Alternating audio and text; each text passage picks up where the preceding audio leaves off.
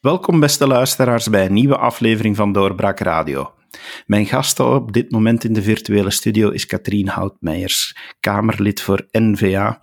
Ik heb haar uitgenodigd omdat zij uh, gereageerd heeft op, het, uh, op de wel heel rare uitspraak van Magnet in verband met e-commerce. En dit is een thema dat mij ook interesseert en ik denk u ook wel, beste luisteraar. Dus daarom, welkom mevrouw Houtmeijers. Sorry. Dag, dag David, fijn jou te spreken.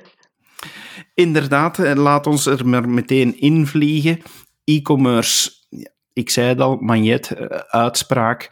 Waarom denkt u dat hij zo'n rare uitspraak heeft gedaan als ja, laat ons maar een land worden zonder e-commerce? ik kan natuurlijk niet in zijn hoofd kijken, hè, maar ja, dat zijn visie absurd is en dat hij absoluut ja, niet strookt met hoe de meeste Vlamingen daarover denken, dat is um, ja, absoluut wel duidelijk. En het lijkt erop alsof dat hij wil teruggaan naar een stenen tijdperk, bij wijze van spreken. Maar ja, weet je, e-commerce kent inderdaad enkele risico's en uitdagingen, maar die ja, pakken we beter aan, want e-commerce is ja, gewoonweg een, een onderdeel geworden van onze leefwereld, maar zeker en vast ook van onze economie. En ja, dat heeft de coronacrisis zeker en vast ook bewezen. Zonder online verkoop hadden heel veel um, ja, kleinhandelaars de crisis niet overleefd. Um, hij zegt dat hij ja, voor echte winkels is in bruisende steden. Maar ja, natuurlijk wie niet. En uh, natuurlijk gun ik ook elke fysieke handelszaak zoveel mogelijk um, succes en zoveel mogelijk klanten. En droom ik ervan uh, dat de winkelstraten dat die bruisend zijn en dat die vol leven zijn en dat het daar over de koppen lopen is. Maar in werkelijkheid zou het natuurlijk geen ja, of-of verhaal mogen zijn, maar moet het absoluut een en-en verhaal zijn. En dat is natuurlijk waar dat offline verkoop en online, mekaar, en online verkoop elkaar gaan versterken.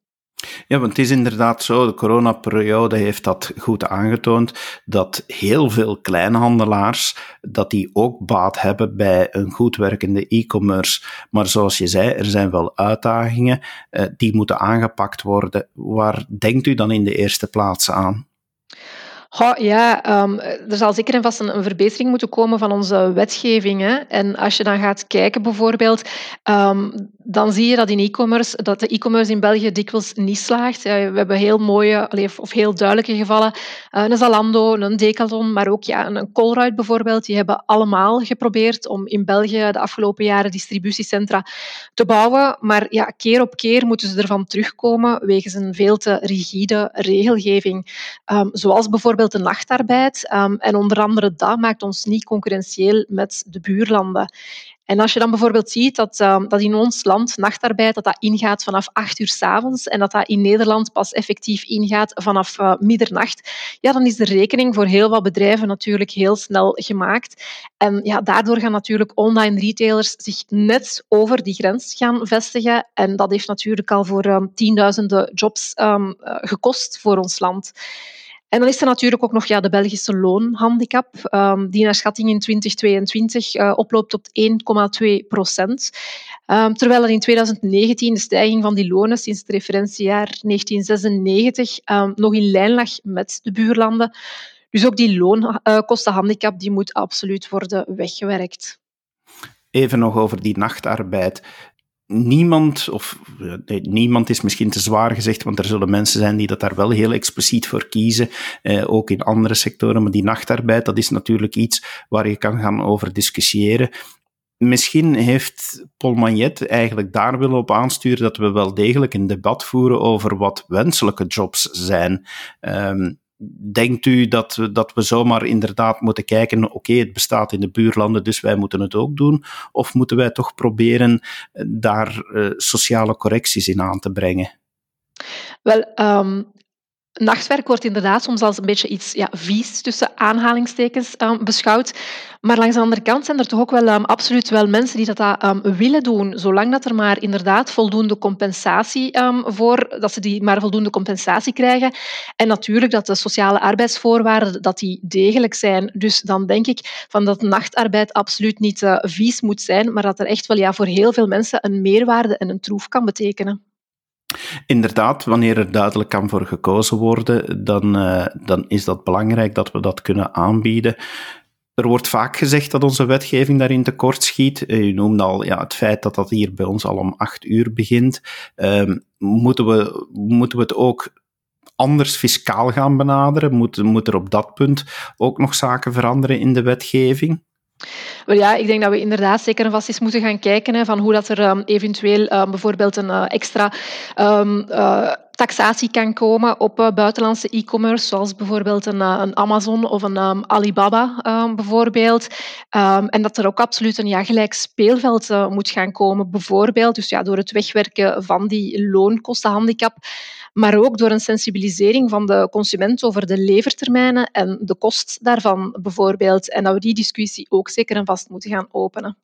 Als we kijken naar discussies die momenteel ook over e-commerce leven, dan gaat het heel vaak ook over milieuaspecten. De vele bestelwagens die rondrijden van allemaal verschillende leveranciers. Uh, er wordt vaak de vraag ook gesteld: moeten we wel gewoon zijn aan een economie waarin je tot middernacht kan bestellen en uh, de andere dag uh, s morgens al je pakketje verwachten. Is dat een discussie die we moeten voeren volgens u? Ja, ik geloof, um, ik geloof zeker en vast dat we die discussie moeten voeren. Hè, want ik geloof dat inderdaad niet iedereen verwacht dat zijn pakketje de dag daarna geleverd wordt bij hem thuis aan de voordeur. Allee, voor mij hoeft dat in ieder geval al niet te zijn. En als het echt ja, super dringend is, dan kan ik inderdaad gewoon naar de winkel gaan en dan heb ik het onmiddellijk. En ik denk ook van als we de consumenten gaan informeren en sensibiliseren over de kost die dat met zich meebrengt, ja, dat dat voor veel mensen niet meer zal hoeven. Um, indien alles direct moet gebeuren, dan moet er inderdaad constant iemand klaarstaan om dat pakje uit de trek te gaan halen, vervolgens om dat verzend klaar te maken en vervolgens moet dat pakketje ook nog speciaal voor jou vervoerd worden om dat tot aan je deur te brengen. En als we dan natuurlijk bij al die stappen meerdere pakketjes kunnen bundelen over een langere termijn, dan zou dat al veel minder arbeidsintensief zijn. Dan zou dat minder gaan kosten, maar dan zou dat ook effectief ja, beter zijn voor het milieu. En ja, we zouden eventueel kunnen gaan naar een opt-out systeem, waarbij mensen uitdrukkelijk aangeven dat zij gerust wel een paar dagen kunnen wachten op hun pakketje. En een andere optie bijvoorbeeld is een toeslag vragen indien het pakketje snel, bijvoorbeeld ja, binnen de 24 uur, geleverd moet worden. Maar natuurlijk, ja, het nadeel van zo'n toeslag invoeren in een eengemaakte Europese markt, dat lijkt natuurlijk niet zo heel um, evident. Maar zoals gezegd, we moeten zeker en vast dat debat durven voeren en uh, we moeten dat debat openen is daar dan inderdaad een sturend wetgevend initiatief voor nodig, die bijvoorbeeld gaat zeggen, oké, okay, we aanvaarden het niet meer dat er een gratis verzending is voor alles wat binnen de 24 uur gaat, maar dan ook misschien wel ondersteunende maatregelen, zoals veel meer pakjesautomaten, dat eigenlijk iedere wijk een, een pakjesautomaat heeft die, die door de overheid het zij eventueel via hun deelname in Bpost, dat die geplaatst worden, zodanig er ook daar veel meer kan gegroepeerd worden. Eh, welke initiatieven ziet u dat er dan zouden kunnen gebeuren, moeten gebeuren? Ja, we zouden inderdaad die, lokale handelaars, die moeten we absoluut nog meer gaan, uh, gaan versterken en meer gaan kansen geven. En dat is ook wat ik daar juist zei, van het mag geen of-of verhaal zijn, maar het moet echt ja, een en-en verhaal zijn, waar dat de fysieke winkels um, en de e-commerce elkaar um, kunnen gaan versterken. En um, ja, heel wat lokale handelaars hebben tijdens de coronacrisis zijn die van start gegaan met een webshop dat was vaak ja, willens niels. Um, het feit van dat ze eigenlijk niet anders konden dan van start te gaan met die webshop. Maar ja, um, als we dan kijken, dan hebben ze daar wel dikwijls omzet mee gegenereerd, maar hun marge is niet echt groter um, geworden daarvan. Omdat het inderdaad zeer arbeidsintensief was en ook nog extra kosten met zich meebracht. Dus ja, er moet zeker en vast een gelijk speelveld komen. Bijvoorbeeld door wegwerken van die loonkostenhandicap waar we het reeds over gehad hebben, maar ook door die sensibilisering van die consument over de lever levertermijnen en de kosten daarvan. En dan verder denk ik dat we eveneens ook het verhaal moeten gaan bekijken en ook dat debat moeten gaan opentrekken over het gratis terugsturen van die pakjes. Want ja, hierdoor wordt er ja, vaak te veel besteld, want ja, ik kan het toch gratis terugsturen en het kost mij niks om extra zaken te gaan bestellen. Maar sowieso moet die rekening natuurlijk wel betaald worden uh, van dat terug te sturen, van dat terug in trek te gaan zetten en de hele administratie er rond, dus die terugbetaling um, van dat pakje. Maar ook die stok moet terug gaan aangepast worden. En voor die lokale handelaar weegt dat natuurlijk allemaal veel zwaarder door dan voor die grootschalige internationale keten. Um, dus we moeten zeker en vast zien dat we ons geld in ons eigen economisch systeem weten te behouden, zowel offline als online. En daar is zeker en vast de, de hulp van, of de ondersteuning van de overheid voor nodig. Wanneer de PS spreekt, bij monden van Paul Magnet, dan ja, stel ik me natuurlijk altijd de vraag: in welke mate is dit weer een communautaire kwestie? Eh, zit hier een communautair kantje aan volgens u? Um, ik denk het zeker en vast wel. Als je weet dat um, 1 op 3 Waalse 20 tot 64-jarigen die vandaag uh, niet aan het werk zijn in het gewone arbeidscircuit, ja, dan zegt dat toch wel alles um, volgens mij. En ja, het ondermijnt onze hele economie, want in Vlaanderen is die wil er absoluut wel om te werken. En uh, Vlaanderen is juist een land van KMO's. En laat dat dus ook de sector zijn die nu juist die ondersteuning absoluut nodig heeft. En uh, zeker en vast minder betuttelingen, dat hoort er um, absoluut bij. En een minder rigide regelgeving, maar ook echt concrete en echte maatregelen om onze Vlaamse ondernemer te ondersteunen en ervoor te zorgen dat hij de moed niet gaat verliezen in deze toch wel uh, moeilijke economische tijden. En werken en ondernemen zit net die Vlamingen echt wel in het bloed. Ja, want er blijft toch ook het rare feit dat bijvoorbeeld als ik denk aan Luik en de Luikse burgemeester, ook van PS-signatuur, dat hij toch wel heel veel moeite heeft gedaan om Alibaba naar Luik te krijgen, naar de luchthaven van Luik. Uh, dus het lijkt me toch niet dat ze ja, allemaal bij de PS vies zijn van nachtwerk en van uh, e-commerce. Dan net Alibaba, die uh, niet altijd zo'n fraaie reputatie heeft. Dus toch weer een verschil tussen woord en daad bij de PS. Ja, inderdaad. Maar als je dan ziet van Alibaba, um, daar zouden we inderdaad, wat mij betreft, um, dat is een, een, persoonlijke, een persoonlijke visie erop, van zouden we meer moeten gaan taxeren, hè, zodat het geld effectief in onze economie kan blijven. En ja, de mensen moeten inderdaad ook aan het werk gezet worden, want uh, Magnet zegt dan wel van um, het feit van dat ze niet uh, willen werken s'nachts, is omwille van dat de arbeidsomstandigheden niet goed zijn en daarmee gaan ze ziek worden. Maar dat is net natuurlijk de, de verkeerde redenering en de omgekeerde redenering. Die uitspraak die is er natuurlijk gekomen in volle aanloop naar een arbeidsdeal.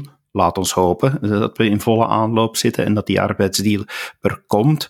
Eh, is het nog altijd zo dat, dat de belangrijkste vraag vanuit uw partij is om werk te kunnen maken van een asymmetrisch beleid eh, wat arbeid betreft? Ja, dat is absoluut zo. Ja. -hmm in welke mate zou dan eigenlijk daar, daar werk van gemaakt moeten worden? Want ik dacht dat dat een afspraak was, maar we zien daar niet veel op bewegen. Van, is daar al discussie over geweest in, in, in de Kamer? Um, er is zeker een vast discussie al over geweest. Het is voornamelijk in de sociale zaken dat die uh, discussie uh, plaats heeft gevonden. Uh, maar we zien verder ook dat er absoluut een, een, degelijk kader gecreëerd moet worden voor die nieuwe economieën, zoals die e-commerce, zoals die platformwerkers, uh, maar dus absoluut met de nodige flexibiliteit. En wij zijn dus niet te vinden voor het weerlegbare vermoeden van werknemers, zoals uh, minister Dermanje dat voorstelt, aangezien dat dat gewoonweg niet de nodige flexibiliteit met zich meebrengt. Er moet dus inderdaad nog eh, heel veel gebeuren. Hopelijk wordt de arbeidsdeal eh, nog heel uitvoerig besproken in het parlement.